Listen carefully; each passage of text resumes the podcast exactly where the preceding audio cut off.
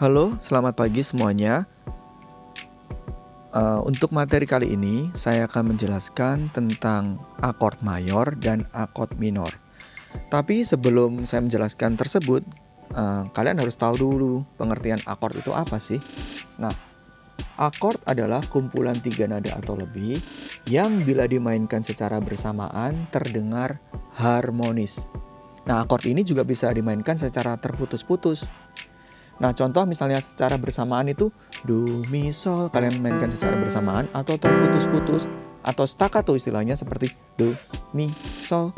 Nah, instrumen yang bisa dipakai untuk memainkan sebuah akord ialah gitar, organ, elektron, keyboard, piano.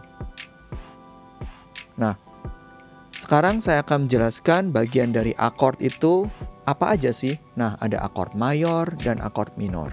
Nah, kita akan belajar tentang pengertian dari akord mayor dulu nih.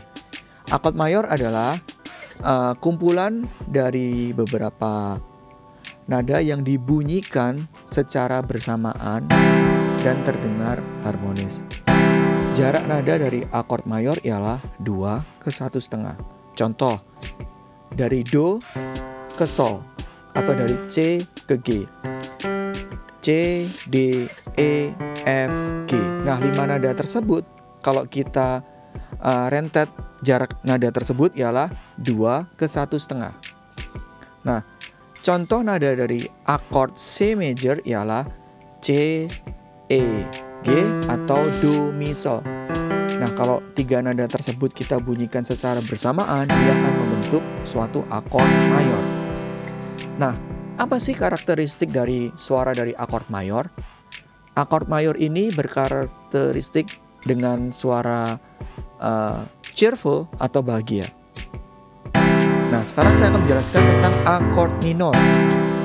Akord minor sama halnya dengan akord mayor tadi, ialah kumpulan nada yang dibunyikan secara bersamaan, akan tetapi nada ketiga dari akord tersebut diturunkan setengah. Kalau di akord mayor tadi kan ada do mi sol.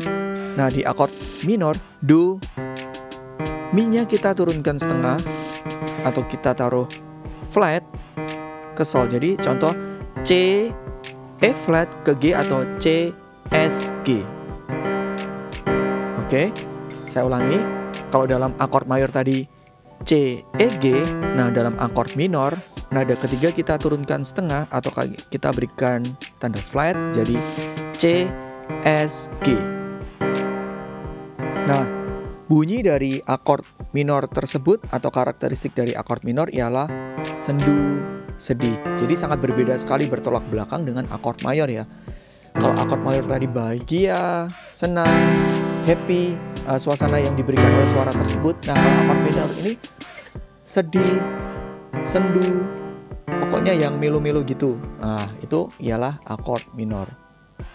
Baik, semoga penjelasan dari Mister dapat membantu kalian untuk lebih mengenali jenis suara dari dari akord mayor maupun minor. Terima kasih semuanya.